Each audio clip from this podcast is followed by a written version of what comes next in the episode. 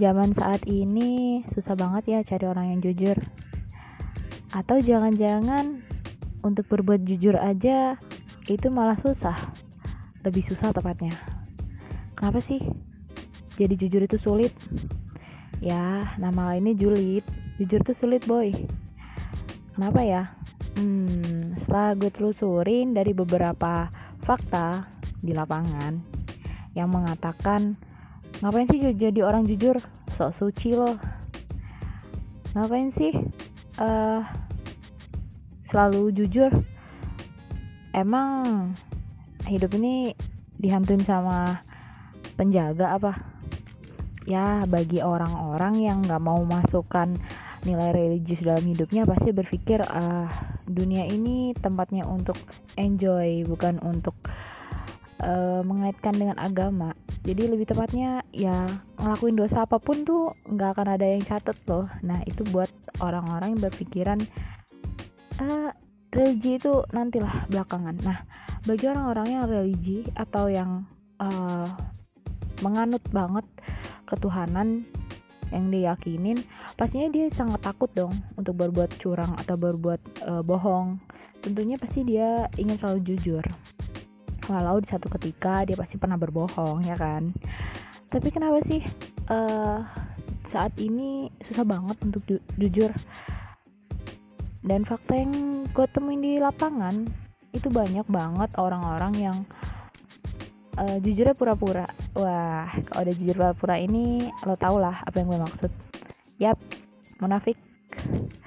Dia bilang ke kita A bilang ke B uh, C dia bener-bener berubah-ubah gitu ya. Entah ini di luar uh, beberapa kepribadian yang dia punya tapi especially yang gue maksud ini uh, dia bermuka banyak. Lebih tepatnya dia tuh bener-bener bukan orang yang jujur. Atau suatu ketika dia serba salah mungkin ya. Ah gue terpaksa bohong sama si B tapi gue jujur sama si A. Tapi nanti ujung-ujungnya bakal uh, terlihat bahwa dia itu munafik. Nah ya entah ini kasusnya seperti apa gue cuman mau uh, sharing dan mau cerita aja kenapa sih uh, saat ini banyak banget gue temuin sedikit banget orang yang jujur gitu. Terutama jujur uh, dalam suatu kebaikan jujur mengenai karakter seseorang, apalagi seseorang temannya, sehingga yang ada malah ngomongin di belakang. Padahal kalau lo jujur sama temen lo yang uh, ada beberapa sifatnya yang gak lo suka, uh, yang baiknya sih lo sampein di depannya ya, langsung gitu, face to face gitu kan, empat mata. Dan kalau bisa jangan tempat umum ya guys, karena ya lo tau sendiri lah lo aja kalau uh, dipermalukan di depan umum itu sangat malu gitu kan. Entah itu konteksnya secara visual maupun uh, eh, non visual uh, untuk saat ini apalagi kita pandemi ya uh, ruang umum itu menurut gue seperti di grup seperti di zoom atau seperti di ruang yang pertemuannya itu sangat mm, ramai orang gitu. Lo jangan nyampein uh, kekurangan temen lo aib temen lo itu di ruang umum. Ini sama aja mempermalukan depan umum. Walaupun lo uh, berdalih loh ini kan uh, pandemi ini kan pertemuan secara uh, daring dalam jaringan.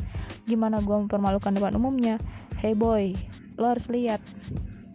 Dalam grup itu dalam pertemuan itu ada siapa aja yang nonton ada siapa aja yang dengerin. Ketika teman lo uh, lo sakitin kayak gitu posisikan diri lo seperti itu. Gimana rasanya ketika lo dipermalukan oleh teman lo sendiri?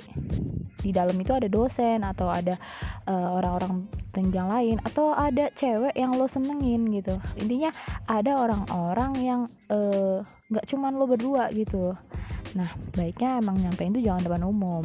Nah itu menurut gue penting banget. Ketika jujur dengan uh, teman lo sendiri jujurnya secara face to face gitu. Tentunya untuk uh, koreksi pribadi agar pribadi menjadi lebih baik gitu.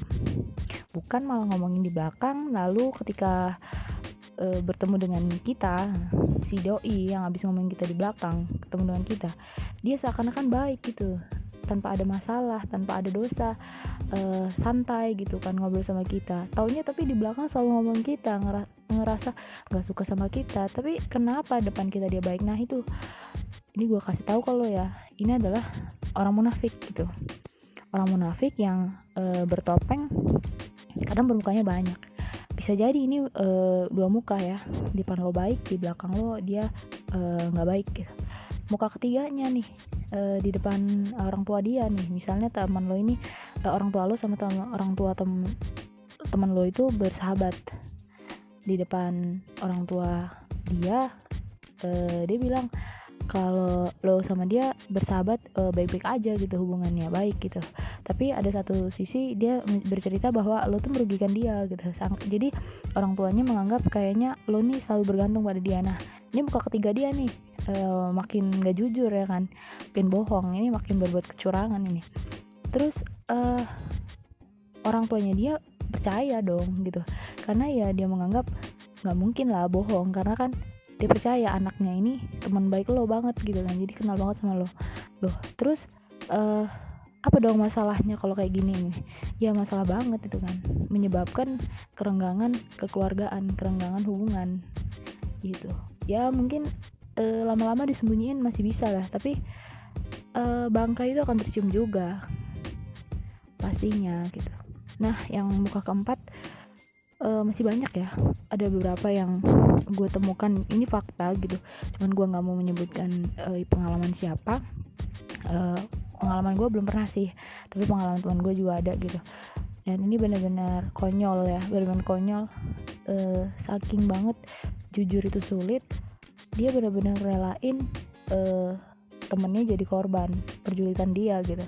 Jadi korban uh, pembulian dia atau sebenarnya dia tuh uh, nyaman gitu berteman sama lo. Tapi uh, karena dia itu nggak mau jujur atas kekurangan lo fatal akibatnya. Padahal jujur itu penting banget sob.